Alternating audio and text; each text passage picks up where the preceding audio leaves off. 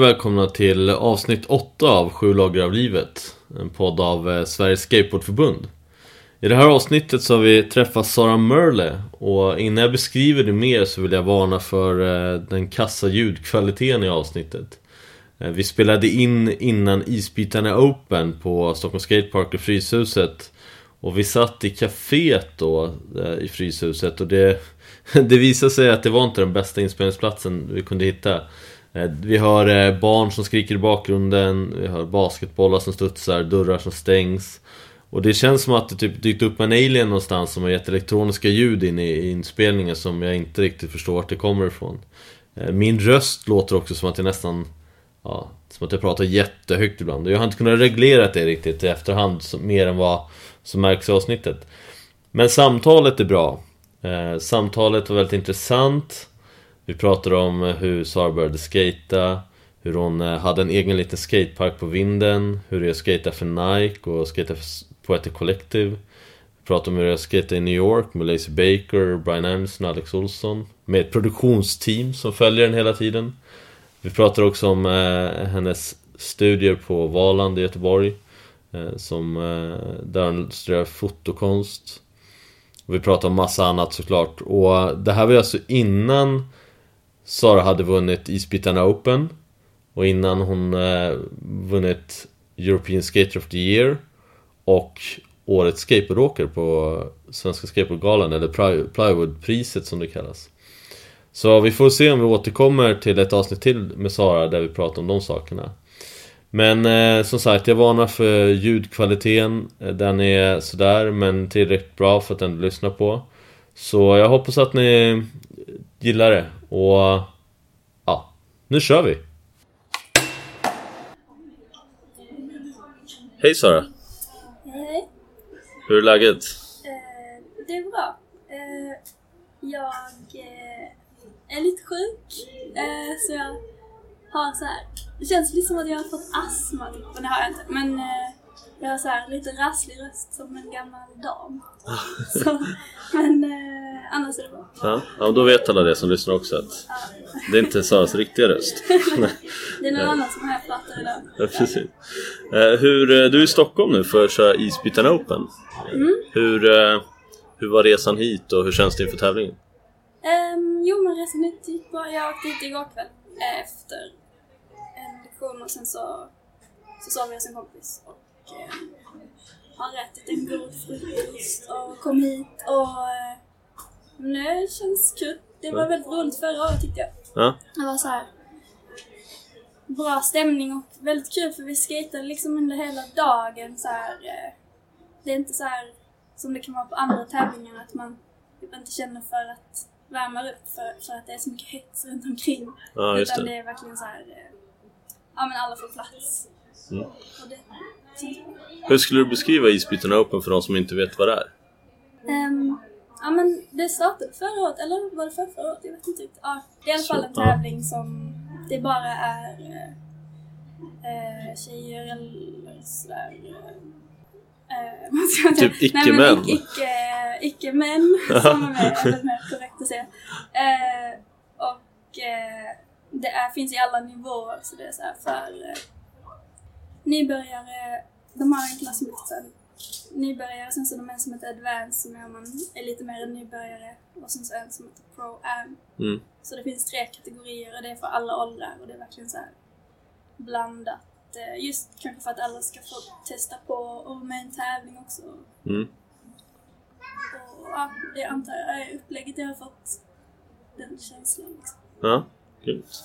Och nu så ska vi sitta och prata här ett tag eh, och jag tänker att vi kan börja med vart du växte upp och sen, jag, jag är nyfiken på alla jag pratar med om hur de var som barn och tonåring och, och hur de sen när de är vuxna ser tillbaka på det och då tänker jag utifrån så här, var man eh, väldigt eh, den som hördes mycket eller var man tystare och kanske var man vild eller försiktig eller något mittemellan mer på det planet så för att få, få en bild av personen så att säga Eh, så om vi börjar när du var barn och vart du växte upp?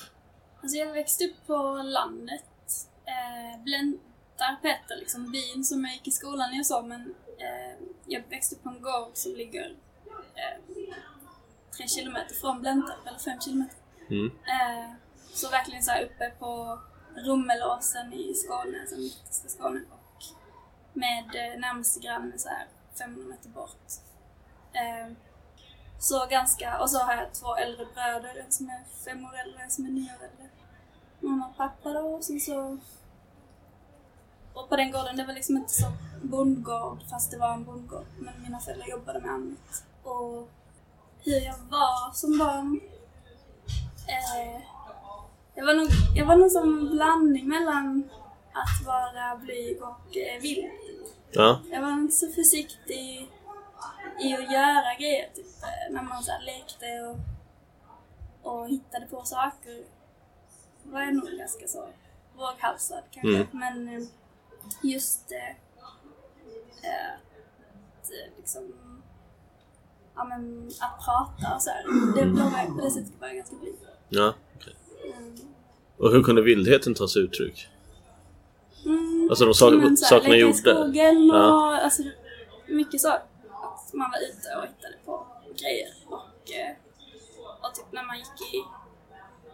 Det kanske kom också mycket från att jag hade liksom två äldre bröder och det, de blev lite som mina förebilder. Och det var sättet som de lekte på också. Och, eh, och sen så när jag gick i då förskola och, och skola så eh, var det också så på något sätt, det blev som en blandning mellan att jag kanske spelade fotboll med alla killarna och sen så gick jag och satt i gungorna med tjejerna.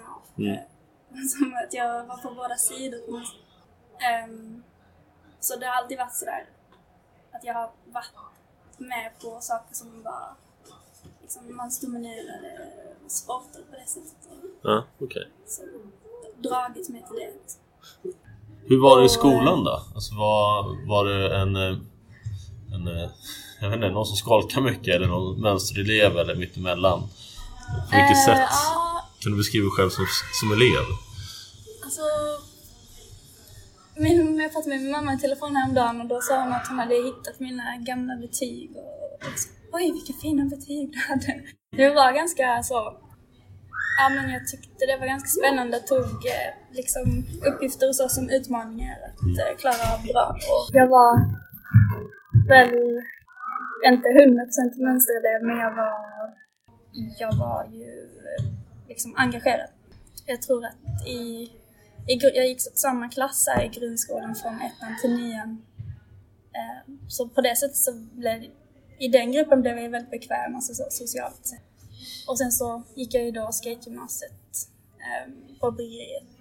Mm, just det, hur var det att gå på skategymnasiet? Ja, men det öppnade ju då när jag var 16. Ja. Så öppnade det det året. Så jag var liksom den första kullen eh, av elever. Och eh, det var...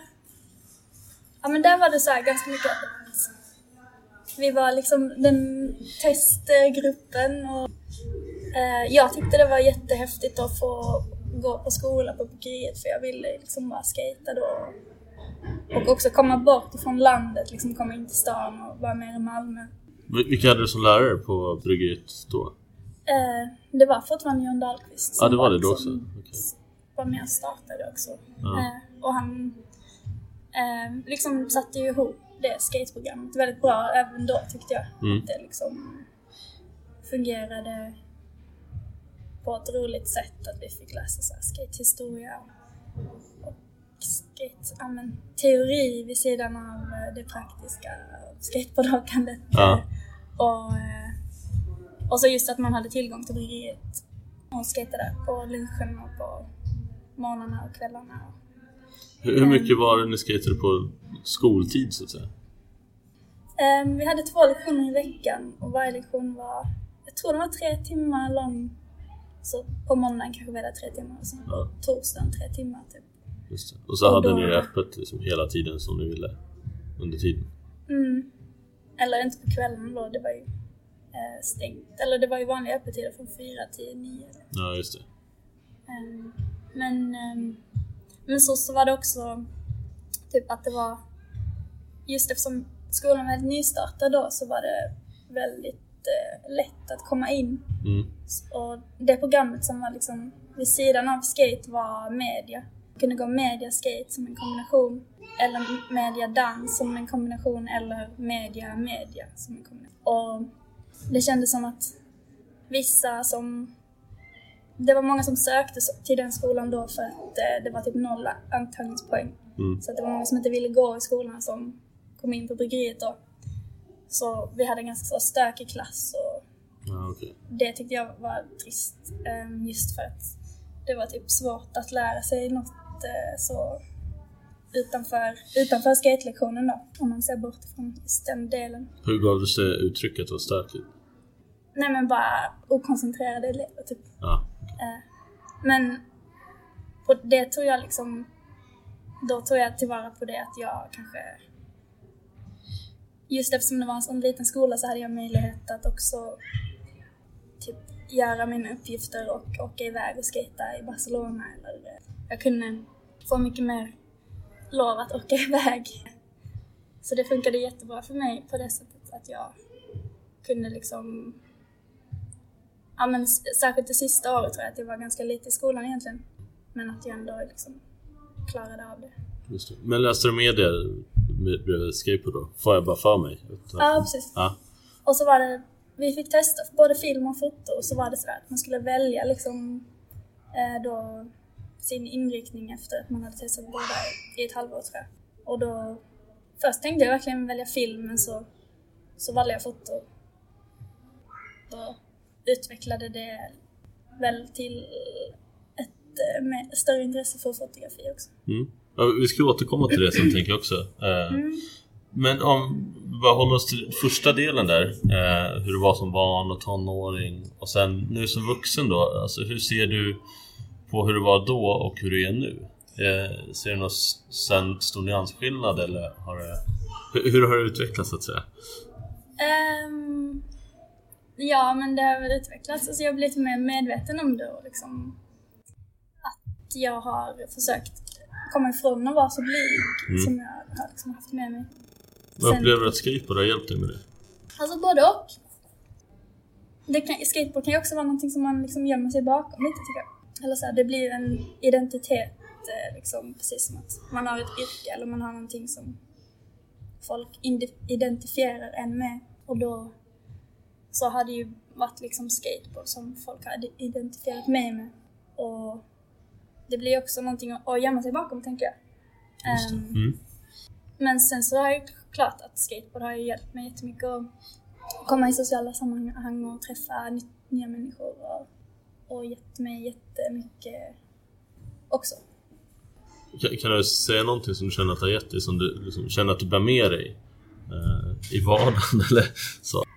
Nej men jag tror det är jättemycket, alltså just så här vardagligt att det gör att när man har åkt skateboard så blir man ju oftast glad av det efteråt. Liksom att det ger en känsla som eh, är bra för en tror jag. Men jag kan tycka själv att det är svårt att se det när man är mitt i det. Ja. Alltså när man är mitt i allting som är positivt med det. Jag, jag fick mer känsla av vad skateboard gjorde för mig när jag inte åkte så mycket skateboard. Ka- Har jag känt. Jag kan tänka mig att det kanske är... Men det perspektivet du sa med att gå och gömma sig bakom skateboard. Det var intressant. De flesta brukar prata mycket om så här, hur skateboard hjälper en med saker. Eh, Ja. Men det var ett nytt perspektiv som jag inte tänker att jag har hört någon Nej. fråga om eller prata om men som jag tror att väldigt många kan känna igen sig i. Just det här att där det är ett uttryck. Du kan uttrycka med skateboard eh, Precis. på ett annat sätt. Och det är ett ganska lätt uttryck och det finns en slags mall för det. Eller så här, att det Mm. Och att det ingår liksom i någon slags, ja men man, när man känner sig bekväm med skateboard och att man liksom kan skateboardvärlden så är det också en slags bubbla liksom. Och Mm. den bubblan eh, är ju både bra och dålig. Vi kan hoppa till hur du började åka skateboard. Vart kom Eh. intresset och hur kom det sig att du började åka? Ehm, jag började åka när jag var 13, 12, 13. Mm. Och då var jag sådär... Jag hade typ från att jag var såhär 6-7 år så hade jag spelat fotboll jättemycket. Och då när jag var 12, 13 så var det så här puberteten. Då var jag tvungen att byta lag så att från laget som jag hade varit i som det bara var pojkar i hade, bytte jag till då ett lag som det bara var tjejer och de kände jag inte. Och i och med den där också så hade jag liksom börjat skata. Och jag började skata för att eh, det var lite som en våg då i Blentarp i alla fall att folk Mm. började skata det halvåret innan. Ehm, och främst de som var så ett år äldre. Ehm, och eh, ja men det verkade väldigt roligt och vi hade en, en nybyggd skola också, den som vi gick på i högstadiet. Mm. Så det fanns lite så amfiteater och några trappsteg. Mm. Eh, och, eh, och så, så jag fick så här, ja men den tanken fick jag att wow, jag skulle vilja börja skejta. Um, men sen så, att ta det steget att faktiskt göra det, det, det var ändå lite så, jag, jag frågade en kompis till mig, en, en annan tjejkompis som också var lite intresserad av det. Eh, så, så var det så, ja men vi, vi köper brädor och så börjar vi så här. eh, Så gjorde vi det tillsammans. Och eh, då var vi, ja men vi så här gömde oss liksom utanför hennes garageuppfart i byn och Mm.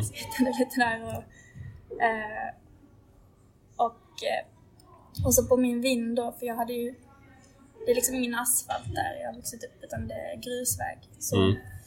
då, så då rensade vi vinden och eh, satte sen massa nitplattor eh, på eh, trä, träet för vinden och så Mm. vi kunde åka på det. Och, eh, Så du hade en miniskatepark på vinden då? ja, Typ? precis. Och så byggde vi, jag fick lite så hjälp av min pappa att bygga en quarterpipe. Så byggde jag själv en liten, liten, liten bänk och så körde man där fram och tillbaka, fram och tillbaka. Ja. Eh, och, ehm, och sen så blev man liksom vän med alla de andra som skejtade på Mm. skolan. Så det var sådär, det blev sådär direkt att jag tyckte det var jätteroligt. Och, och just eftersom jag hade haft ändå fotbolls eh, träningsgrejen och det var ganska mycket då, så var det sån stor kontrast till eh, ja, men den friheten som skate var, att man bara kunde åka och ha kul Mm. med sina kompisar. Så då slutade jag med fotbollen direkt. Har du fortsatt skata oavbrutet sedan dess eller har du något uppehåll på vägen? Alltså jag har egentligen bara haft uppehåll för att jag har varit skadad. Inte så för att jag har velat ha uppehåll. Men jag har nog... Jo, ja. Jag har varit skadad eh, mycket med att jag har stukat fötterna. Mm. Men stukat dem ganska hårt så att det tar lång tid. Och, och, så då har jag liksom haft olika långa uppehåll men vissa kanske har varit så här i några månader. Vissa har varit i... Men längsta uppehållet kanske jag har varit fem månader. Mm.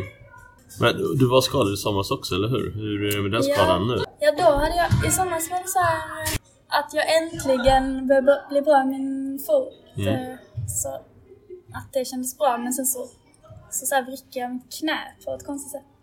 Och det, det var liksom inte så farligt, eh, men det påverkade... Jag, jag kände av det jättemycket. Men det var inget med menisken som var skadat, det var mer som en sena. Så jag fick, fick övningar så som jag skulle göra så det skulle bli bättre. Och det har det blivit. Ehm, och så, så gick jag till en sjukgymnast som sa att det är så här, kommer göra ont i den scenen men det är inte farligt att det gör ont. Mm. Och då ändrade det hela min typ rädsla för det. Men man, man blir skraj för att det känns som att bara shit nu känns det igen och så. Ja, just det. Ehm, men då visste jag att det inte var någon fara. Liksom. Så nu känns det som att jag kan skejta helt okej. Ja.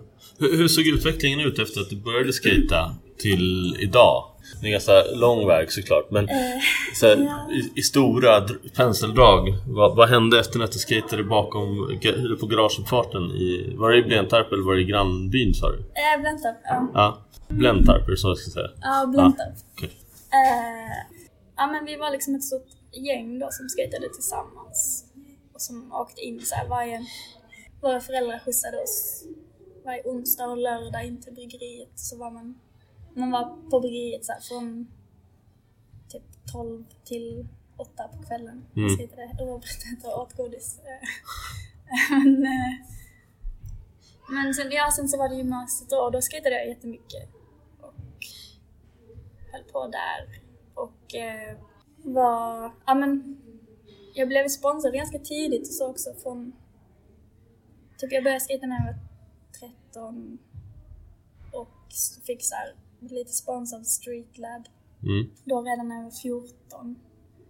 Och sen så blev det sådär att jag fick lite skor av Etnis och ja men det, det utvecklades från så var jag på River Farm och Just det, samma som Nisse Lilja ja, också var på. precis. Var det samma period som du var på River Farm? Eh, ja men lite samma period var det ju men eh, jag tror att han, typ då när jag var och skejtade, då, då var han typ i Australien tror jag, eller det var som att han inte riktigt var där då när jag var i Halmstad och skejtade Mm. med dem.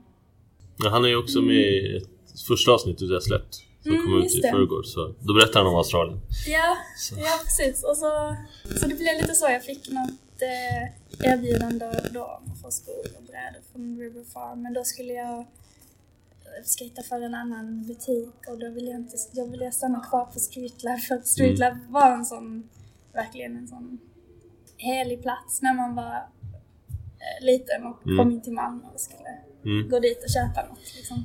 Så då så stannade jag kvar där så skejtade jag för River Farm i några år och sen så skejtade jag för Bellows. Jag tror det var när jag var typ, ja men det kanske var 17 redan, 17, 18.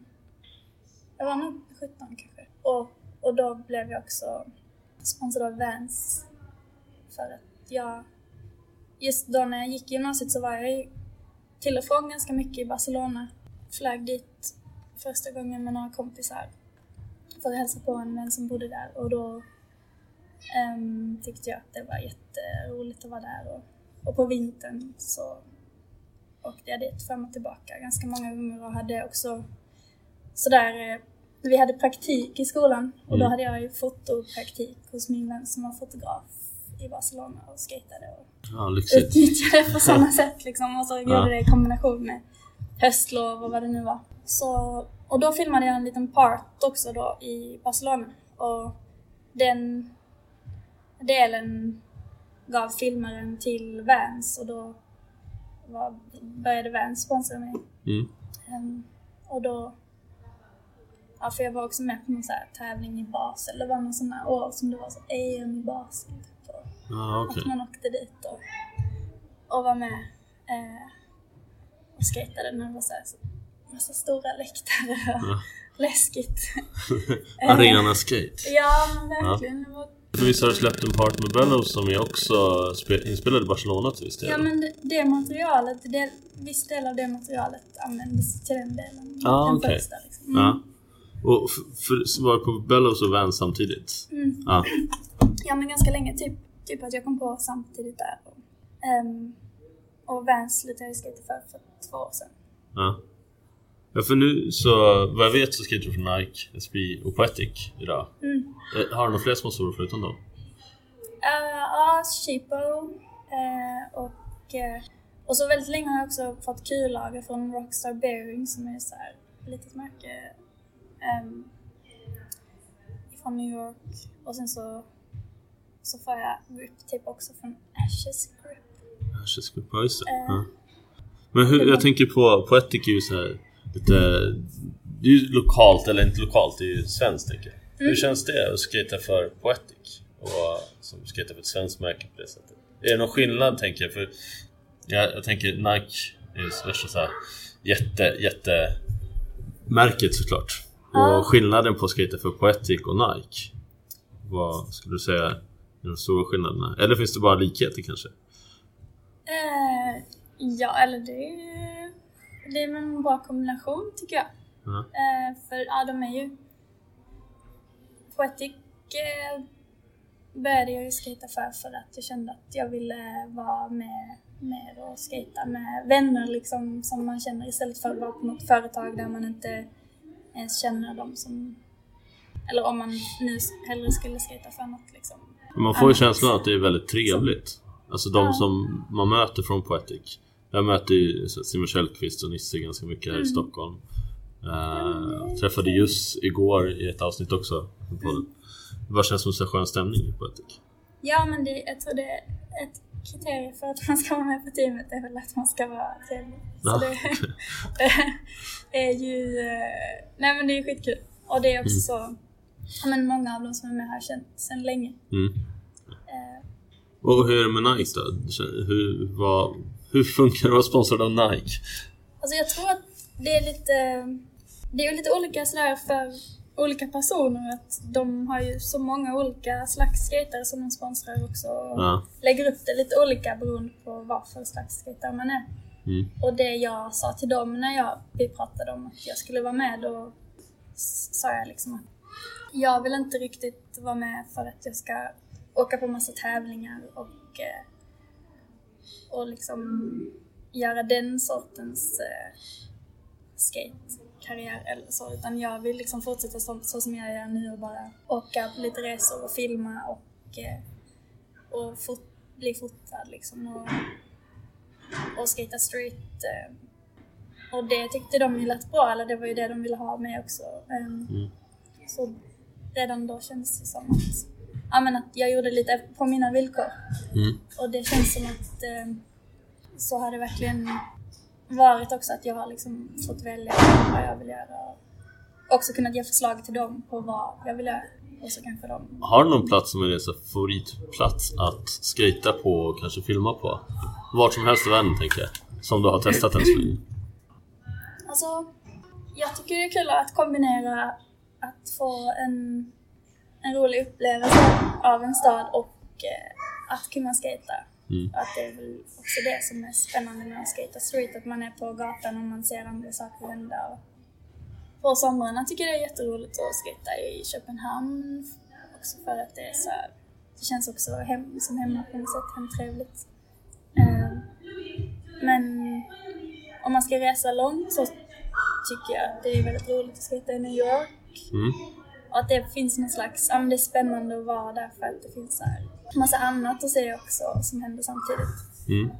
Men där är det också en svår stad att skata i, så det är mycket, mycket folk och ja men mycket sport som är väldigt svår att skata. Ja. Så klassiskt, den ser ett spot på film och så, kom, så, så när den kommer dit så bara oj, det här var smart. Ja, Det tycker jag. Men eh, du var ju på, på um, Paris har varit riktigt roligt att skata också. Ah, där nu några gånger senaste året. ja, vad, vad är det för sorts skating i Paris? Paris är så himla stor stad så det finns, eh, finns jättemycket spots att hitta. Mm. Och så här, ja men nu har jag varit, jag var där med Nike för några månader sedan och så var jag där med Poetic förra året. Och eh, ja men det känns verkligen som att vi var på, det var, ja men förutom Republik då som är där Plaza mitt i Mm. stan så var det, var vi på helt andra spots eh, som att det aldrig tog slut liksom. Så det var kul tyckte jag, också något nytt sådär. fanns mycket att hitta liksom. Jag, jag tänker på, du var ju på i New York för ett tag sedan och som jag förstod det så var det någon slags wear-test av eh, en ny Nike-sko tillsammans med Lazy Baker. Jag såg något klipp när du var ute och skejtade med Lazy Baker. Vad var det för någonting? Kan du berätta lite vad, och hur det var att skejta med Lazy Baker? Den är en av mina idoler. Ja, kul. eh, nej men det var jättespännande att få åka. Eh, vi fick bara veta så här att vi skulle åka och göra en slags eh, höstfotoshoot. Deras höstkollektion som var kommande, som då kom ut nu i oktober. Mm, Och det gjorde vi, då gjorde vi den här grejen i maj tror jag. mm, Ehm, och då var det liksom, ja men det, att det var jag och Josie som åkte från Europa då, Josie från England. mm. Det är Josie Millar. Ja, Ja. precis. Mm. Och då... Och så skulle Lacey vara med också. Och, eh, och de andra som var med var Brian Anderson, Cyrus Bennett och Alex Olson. Mm. Och, eh, och så var det sådär... Ja men det känns helt sjukt eh, att, att man var på något vis utvald till att åka med för det. Mm. Ehm, men jätteroligt och, eh, och då var det sådär just för att eh, de skulle släppa den här nya skon då som målgruppen är till kvinnliga skateboardåkare Mm. främst då. Eh, och ja, för att de liksom har skapat den här skon då som är utformad eh, efter kvinnliga fötter eller var liksom så som de gör med andra träningsskor och så också att det är lite Mm. skillnad på hur de utformar typ jag tror det är så här att, eller så som de förklarar för mig att det kanske är svårt att förklara i ljud men eh, att eh, främre delen av foten är lite ganska bred och sen så har man en smalare ingång eh, på mittdelen av foten, alltså där Mm. hållfoten är. Men i alla fall så var det sådär att vi åkte runt i en stor van eh, vid skaterna och sen så var det en till van med hela produktionsteamet. Och så hade de ett schema så var det tre dagar som vi skatade och fotades. Och filmades lite också då. Mm. Ehm, men det var främst för att vi skulle fotas. Och, och jag hade träffat Lacey förut också. Men eh, det var jättekul att skata med ett sånt gäng. Mm, det låter ju som... Men också ganska nervöst, eller just Ja. när man har så här ett helt... Eh, massa andra som också inte skater som får kolla och så. Ja, ja, jag tänker bara att skata med de personerna skulle jag bli nervös över. Så ett helt produktionsteam bakom. Ja, ja men det var, det var fast jag försökte ändå ha någon slags inställning till att bara, ja men försök skata varje sport och ha roligt. Mm. Var det något spot i New York som du tyckte var extra roligt? Eller inte bara den resan utan överlag i New York?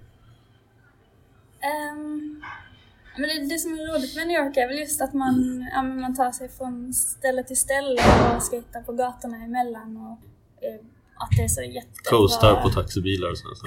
ja, det, precis. Och det är så jättebra asfalt som är så här, god att rulla på. Och sen så Mm. på vissa gator, vissa gator är jättedåligt också. Men det är väldigt roligt där på BQ. i- Vad, sa du? BQ? En BQ är så här, för BQ är en sån eh, en bro eller en väg som går Mm. över, upp, som är upphöjd. Och under den då så är det en stor avlång parkeringsplats. Och då de här pelarna som går upp som håller upp den här vägen. På dem har de liksom byggt DIY-grejer. Ja, just det. Med de här små böjarna upp på pelarna Ja. och, och små slappy curbs och sånt va? Ja, Ja, precis. just det. Eh, det är skitkul. Ja. Och där får man ju också vara liksom i fred och kan bara skata. Ja. Ehm, Om du tittar tillbaka på alla år du har åkt skateboard, vad, vad är så här, höjdpunkterna som du ser det? Eh, nej men alltså jättemånga jag tycker det har varit det var väldigt häftigt. Jag har ju rest väldigt mycket med skate och bara ja, men av det intresset att upptäcka, upptäcka världen och, och skate har varit som ett verktyg för att eh, också göra det. Eh, och då har det ju varit väldigt mycket så här, ja, men man kommer till en plats och det är någon som känner någon som man känner. Och just inom världen inom liksom då kvinnliga skateboardåkare så har det varit att man har fått väldigt många vänner på det sättet. Så det har ju varit höjdpunkten alltså varje gång man har rest långt. Typ. Jag var också i Australien med ett par kompisar eh, som också skejtade, som också var tjejer. Mm. Och då träffade vi ett annat gäng som liksom var jättevälkomnande för oss eh, och visade oss runt där. Och sen så eh, på samma sätt har det varit eh, jag bodde i Kanada ett tag, i Vancouver. Mm. Och där var det också en, liksom, en, sån, en sån scen att, eh, att få ta del av och möta eh, tjejer som skejtar. Och, Är det där Antisocial ja, precis. butiken? Det heter Antisocial Skate Shop? Ja, det. Antisocial Shop. Antisocial Shop, okej. Eller nej, det är inte alls. Den heter Anti- Antisocial Skateboard Shop. Ja, det, det är en jättehärlig plats, Ja. tycker jag. Verkligen. Jag har bara läst om det, det bara låter, det känns som att det är ett community kopplat till själva butiken. Mm. Stämmer det? Ja. ja. Ja, det är verkligen den känslan. Hur är Vancouver skate? Jag var i Toronto eh, i april i år. Och Mm. det var hur mycket bra spots som helst men nästan allt var skatestoppat. Hur Ja, var men det är likadant i Vancouver skulle jag säga. Ja. Det, jag har typ hört att eh, den som uppfann skatestoppen kommer ifrån Vancouver. Då måste det vara mycket det där. är Så. här, eh, så här hemskt för att det är en gammal skatare som Ja. gjorde det. Ja, det är en gammal skatare också som har gjort det. Och shit, Exakt. omvänd. De har gått över till den mörka sidan. Men där är det är lite så... Det finns ju spots där men det är, eh, det är mycket som är skatestoppat just i downtown och så. Mm. Sen finns det mycket par- jättemycket parker där runt omkring. Ja, okej. Om du tänker så här, eh, 90 plus eller ännu äldre. Vad, vad har du upplevt på, inom skateboard fram till dess? Eller då? Jag, jag ser för mig man kanske åker skateboard om det är 90. Oj! Eh, Ja, men om du har några drömmar så som du känner att du eh, vill försöka uppnå fram till dess. Nej, alltså jag tycker att, eh, att så som det är nu, det här är liksom en, en dröm på något vis. Mm. Att, att få Alltså jag har skatat jättelänge och varit sponsrad och så men jag har aldrig riktigt fått betalt för det och det, det har ju varit en dröm att kunna, kunna vara mer fri i det för att man har en lön. Mm. Eh, så det är ju en dröm som jag får ta del av nu. Nej men mål sådär, jag vet inte. Eh, Det finns, det finns inga sådana konkreta mål riktigt. Nej. Men bara att, eh, att försöka och hålla det, hålla det roligt och att ha tid för det och att fortsätta. ha Har du något drömtrick som du vill eh, lära dig? skulle vilja bli bättre på eh, att göra till exempel backside smith grind på curb. Mm. Det tycker jag är ett fint trick. Och det har jag satt någon gång, jag kan liksom inte det. Ja. Eh, Det känns ändå väldigt så nära. Som du kan... Ja, jag tror nog jag är ganska mycket så att jag fascineras mer av sådana enkla trick än av något som är jättekomplicerat. Mm. Typ så någon sån kombination av grejer har jag nog inte som, som ett drömtrick direkt. Nej. Vad tror du att det beror på? Eh, Eller jag känner igen mig i det själv och jag känner Ja. att trick som jag kan Som är relaterbara Som så enkla att bara se och förstå utan att du behöver tänka så mycket Det gillar jag både att göra själv och att se Till skillnad från så här, Jag tycker Shane O'Neill är en fantastisk skateboardåkare men ibland ser det som att jag inte ens fattar vad han har gjort Nej precis. Vad kommer det från dig? Eh, För, för dig liksom? Vart? Ja, så jag tror det handlar mycket just om det relaterbara liksom att man kanske blir mer inspirerad av någonting som man också själv kan ta, ta till sig. Mm. Ehm, sen kan jag tycka att det kan vara roligt att titta på folk som är jättetekniska för Mm. att det är en, en annan slags underhållning på något vis. Att det är såhär wow jävlar det där är helt sjukt. Mm. Um, någon sån wow-effekt men just den, den inspirationskänslan den... Ja, men jag tycker att det är ju också beundransvärt när någon gör någonting med fart och med stil och, och tar i liksom. För det är... Eh, man kan liksom... Man kan ju traggla på tricks och sätta något jättekomplicerat in, flippa in, flippa ut grejer men eh, men det är nödvändigtvis inte svårare än att göra någonting mindre komplicerat men att göra det bra. Mm. men det, Ja. svårighetsgraden är väl inte så relevant tycker jag. Mm. Utan det är mer bara att det ska vara gött. Ja, kännas och Kännas se bra gött. ut Ja, men- okej Att, eh, ja. vad, vad har du för projekt på gång som du kan prata om? Ja men eh, jag håller på och jag har, min, min tanke var för, ja men sen, sen förra sommaren att försöka filma en park Mm. och eh, då, eh, då började jag filma lite med Phil Evans eh, och filmade så här. eh, Vi, vi hade en tanke om att vi skulle göra ett projekt, eller det var hans idé att, att, vi skulle, att jag då skatade, han filmade mig när jag skatade på morgontimmarna och på kvällstimmarna så att när solen gick upp och när solen gick ner Ah, okej. bara. Så det är ju bara en ruta med inom ja, men en timmas eh, förlopp ungefär som Mm. det ljuset är sådär speciellt skimrande orange. Ja. Ehm, så det gjorde vi. Ehm, och han kom till Göteborg och filmade mig. Eh, så var det så här, det var helt sjukt. Det, var, det, var, det lät som en jättefin idé men det var jättejobbigt så här att man satte klockan på typ tre, fyra på morgonen och gick upp och drog ut och skejtade Mm. mellan fem och ja, men, sju kanske. Och sen så gick man hem och la sig igen. Eh, och eh, sen så vaknade man igen på eftermiddagen någon gång och, eh, och så skejtade vi igen på, på kvällen då. Mm. Och så gjorde vi så i tre dagars tid och jag blev helt slut till slut. Och det var ganska svårt att göra trick också för att man inte hade tid att, att nöta. Liksom, Ja, just det. skulle sitta ganska snabbt. Och så konstig tid att. Ja, Jag tänker att kroppen reagerar på Det det. var som att man var jetlaggad och Ja. Eh, men det var ju ett roligt projekt så, men det kändes som att eh, man gjorde det väldigt komplicerat för sig själv. Mm. Och sen så i, i samband med det så skadade jag också mig och kunde inte filma mer. Så, eh, och så kändes det lite som att ah, men det projektet, jag vet inte riktigt om det är värt att, att lägga massa mer energi på det sen när jag Mm. blev eh, friskare igen. Så då pratade vi mer om att, att vi skulle sammanföra det materialet med Anna. Ja, så i alla fall filmat eh, med Tom då från Poetic. Har filmat eh, mig lite från och till. Men det har varit hela tiden avbrott för jag har hela tiden så här stukat foten. Varje gång jag har liksom kommit upp till en, en bra nivå där man känner sig trygg igen så har jag Mm. skadat mig.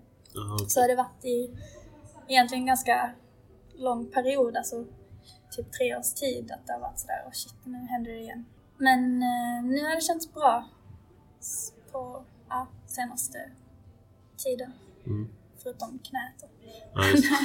Eh, så ja, det har varit lite svårt att filma en part men nu känns det som att jag börjat ha fått ihop material och tänker kanske försöka släppa det nu snart. Eh, ska bara redigera ihop det. Vi tänkte redigera ihop det tillsammans då, jag och Tom. Eh, så det är liksom projektet nu då. Ja, spännande. Mm. Och Har ni någon tidsram när ni tror att det kommer ut? Och du kanske inte kan säga det Eh, heller? Nej men det är väl... Eh, ja men tanken var först i alla fall att släppa det innan eh, året är slut. Mm. Men man är ju också alltid lite sådär, fan, skulle man ha lite, haft lite mer tid så hade man kunnat göra det lite bättre. Och, Mm. Men nu, nu kan man ju inte filma här i Sverige på samma sätt. Det är Nej. kallt isigt. Så vi åkte till Mallorca för ett par veckor sedan och filmade där Mm. i, under några, typ fyra dagar. Eh, och det blev ju liksom, just också för att eh, nu känns det som att jag är frisk och kan skata så som jag vill skata. Och tidigare har jag, när vi har filmat även tidigare, så har jag liksom inte riktigt varit det. Det blir en sån, ja men ska man släppa eller ska man vänta och släppa det senare? Samtidigt kan det också bara vara skönt att vara så här, ja men nu avslutar vi det här projektet så att vi kan göra nästa. Så jag vet inte riktigt. Det är väl upp, det är upp till mig liksom att bestämma. Ja, och vi får se då. Vi får vänta med andra. Kan du bara berätta lite om... eh, Du pluggar nu, har jag förstått det som. Vad Mm. pluggar du och eh, vad, vad vill du efter att ha pluggat klart? Jag pluggar eh, fotografi i konstnärlig fotografilinje. Ja. Eh, ehm, ett eh, kandidatprogram på tre år. Och jag är nu på mitt tredje år. Och året innan det så pluggade jag på en förberedande skola eh, utanför Malmö som heter Österreve. Och det är liksom ett program som man, det är hälften teoretiskt och hälften praktiskt och som att man Ehm, läser massa om eh, fotohistoria och fototeori och liksom om vad bilden gör med, med vårt samhälle och eh, också konst eh, ifrån andra genrer, man ska säga. Och sen så är det också då praktiskt att vi själva gör någonting och bygger upp ett konstnärskap. Är det så att du identifierar din, ditt eget sätt att göra konst på? Är det det som är att skapa sitt eget konstnärskap? Eller?